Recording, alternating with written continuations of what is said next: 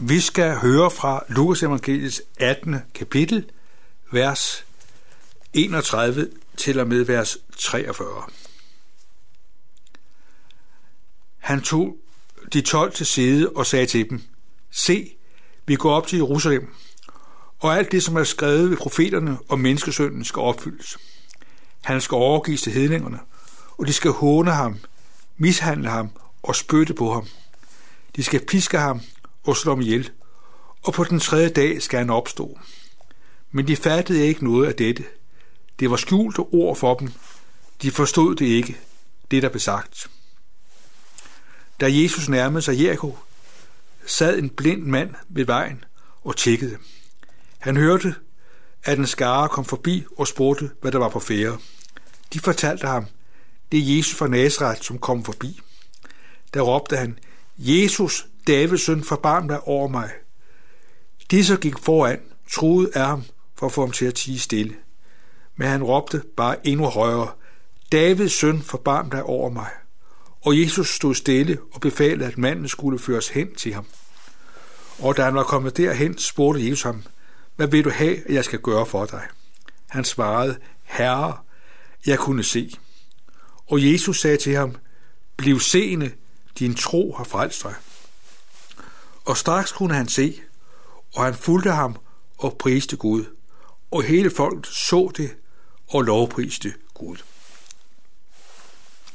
Indimellem tror jeg, at vi har den tanke, at det ville være nemmere at tro på Jesus, hvis vi havde levet på samme tid som Jesu disciple. Hvis vi tager det med i dag, så må vi sige, at det passer jo ikke.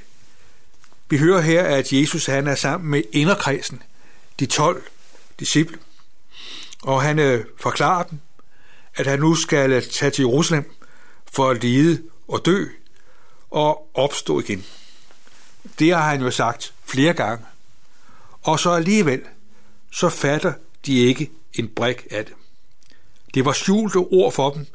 De forstod ikke det, der blev sagt. De fattede det ikke. Det synes jeg er tankevækkende. Tænk, at de disciple, der havde gået sammen med Jesus i tre år, på første hånd havde set, hvad han sagde og set, hvad han gjorde, øh, de var fuldstændig fremmed for, hvad det virkelig handlede om. Alt det, som var talt om i det gamle testamente i, om menneskesynden, det var noget, de ikke havde en stor forståelse for overhovedet. De, var, de havde set en hel masse ting, og så havde de vel ikke fattet en brik af det. De havde set, hvordan Jesus han gjorde syge raske, blinde kunne se, og mennesker fik håb og glæde ind i livet. Og så alligevel, så så de ikke noget, for forstod de slet ikke, at det, det handlede om. Til synligheden kunne disse mennesker se, og så var de alligevel blinde. De var fuldstændig fremmede for og blinde for, hvad det i virkeligheden var, Jesus havde gang i. Og så hører vi, at Jesus kommer til Jericho. Der er der en blind mand. En blind mand, som på sin forunderlige måde virkelig er seende. Jeg talte med en mand, der er blind, og han sagde sådan, ja, jeg ser med ørerne. Jeg ser med ørerne. Ja, pointen var jo, at øh, han, havde, han havde åbne ører. Han var opmærksom på, hvad der foregik omkring ham. Og det handlede han på, og det reagerede han på. Og på samme måde kan vi også sige, sige det, sådan var det med den blinde mand. Han kunne ikke se, men han havde ørerne med sig. Han standsede op, og denne mand, som ikke øh, kunne se, han havde virkelig fattet, hvad det handlede om. Han råber til Jesus, Jesus, Davids søn, forbarm dig over mig. Disciplene, de er oppe i det røde felt, de synes, at den her mand, han skal tige stille. Han er forstyrrende. Hvorfor skal Jesus bruge tid på denne blinde mand? Men denne mand, som var dømt ude, som ingen synes var noget særligt, denne mand, han har fattet, hvem Jesus er. Han råber til Jesus, og Jesus stanser for ham. Sådan er det. At Jesus er den, der stanser for os. Det kan godt være, at vi synes, vi er mislykket. At vi synes, det er gået skævt for os, både på den ene og den anden måde. Det kan godt være, at vi føler os dømt ude. Det kan godt være, at vi føler os ensom. Føler, at øh, vi forstyrrer det gode selskab. Vi kan være svært ved at have venner og have gode relationer. Føler os helt alene. Men Jesus er den, der ser os og forstår os. Han er den, der ikke bare går forbi. Han er den, der stanser for os, fordi han elsker os, ser os og vil os. Han er den, der ser, hvordan vi har det. Det kan godt være, at vi i det ydre kan se vellykket ud, at vi i det ydre ikke er særlig handicappet. Men Jesus er den, han ser bag facaden. Han er den, der ser os som mennesker, der er skabt af Gud. Han ser os som mennesker, der er dyrebare og værdifulde for ham. Og han er den, der stands op. Og så spørger han, hvad vil du have, jeg skal gøre for dig? Og denne mand, han beder om at få sit syn igen. Og han bliver seende. Her var der en mand, der både fik sit fysiske øjne, øje åbne, og havde det åndelige syn klart. Han så, hvem Jesus var. Han så, at Jesus var den, der kunne hjælpe. Og han kom til Jesus. Han sad og råbte til Jesus, uden at tage sig af, hvad andre tænkte. Og sådan kan det godt være, at vi nogle gange tænker, at øh, hvis vi begynder at bede til Jesus og komme i kirke og komme i missionshus, så kan vi godt som føle, at vi har sat os ud på tidsspor. At vi ligesom har sat os ud ved almindelige mennesker, at vi sådan skiller os ud. Og så er virkeligheden, at Jesus har tid og plads og syn for os. Den, der kommer til mig, siger Jesus, vil jeg aldrig støde bort. Han vil gerne have, at du og jeg tager ham på ordet, fordi han længes efter, at det, han siger, får lov til at blive vores rigdom og blive vores virkelighed. Jesus er den, der vil åbne vores liv for ham. Og så er det jo også en beretning, der fortæller noget om, at vi må have øjnene åbne over for de mennesker, vi lever blandt. At vi lever blandt mennesker, som på den ene eller anden måde har det svært. Her er vi sat ikke til at pege fingre og, og, og, og isolere folk, men vi er sat til, at lade Jesus får plads i vores liv. Vi er sat til, at det, Jesus siger, bliver det, der styrer vores liv. Sådan at vi går mennesker i møde. Jesus er den, der vil møde andre mennesker. Og hvordan skal mennesker møde ham? Det sker jo kun ved, at vi er med til at bringe mange, at bringe mange mennesker hen, hvor Jesus bliver forkyndt, hvor Jesus er til stede.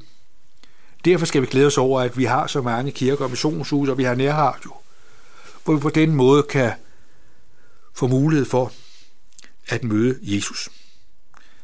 Han er den, der ikke latterliggør os. Han er ikke den, der peger fingre af os. Men Jesus oprejser os præcis sådan, som vi er. Jesus er den, der beviser os, at han er død og opstået for os. At Jesus har syn for den enkelte. Jesus var optaget af at gå til Jerusalem for at lide og dø opstå for os, for vi skal evigt liv. Det er ligesom det universelle perspektiv. Men samtidig betød det ikke, at Jesus ikke også havde syn for den enkelte. Og det er jo noget af evangeliets storhed, at Jesus har brug for os alle. Han ser os alle, og samtidig så har han syn for dig og mig. I den byzantinske kirke i Oldkirken, der har man lavet mange malerier, hvor man ser øh, Jesus som verdenshersker. Og der er to øjne, der peger, der viser, hvem Jesus er.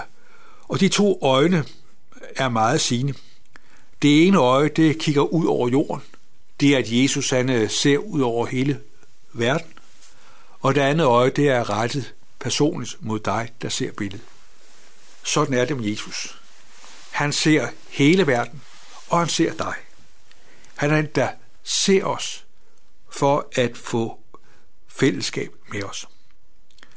Det er at nogen ser på dig. Det er med til, at du oplever en nærhed og et fællesskab. Og sådan ser Jesus på os, for at vi må have liv med ham. Det er også derfor, vi hører det i velsignelsen. Herren velsigne dig og bevare dig. Herren lader sit ansigt skinne på dig, lyse på dig. Det er jo det fantastiske. At Jesus vil lade hans kærlighed lyse og kan liv og varme i mit liv. For at vi kan blive oprejst, for at vi kan leve evigt og have hans nåde i vores liv. Tænk, at Jesus ikke synes, det er forstyrrende at møde dig og mig. Og så får vi lov til at komme til ham igen og igen, hele livet her på jorden. At Jesus er den, der er sønders ven, som kommer, fordi han vil forene sig med dig, fordi han elsker dig og er død og opstået for, at du aldrig skal gå tabt, men er evigt liv. Amen. Lad os takke og bede.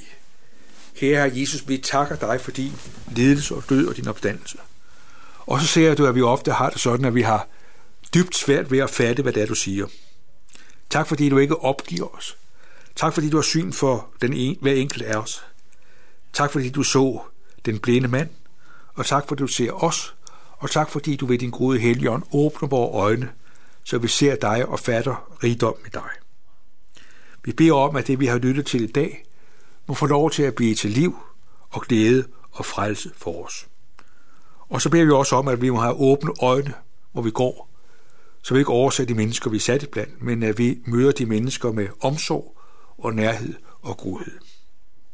Tak fordi du tilgiver. Tak fordi du oprejser. Og tak fordi du følger os alle vore dage. Amen.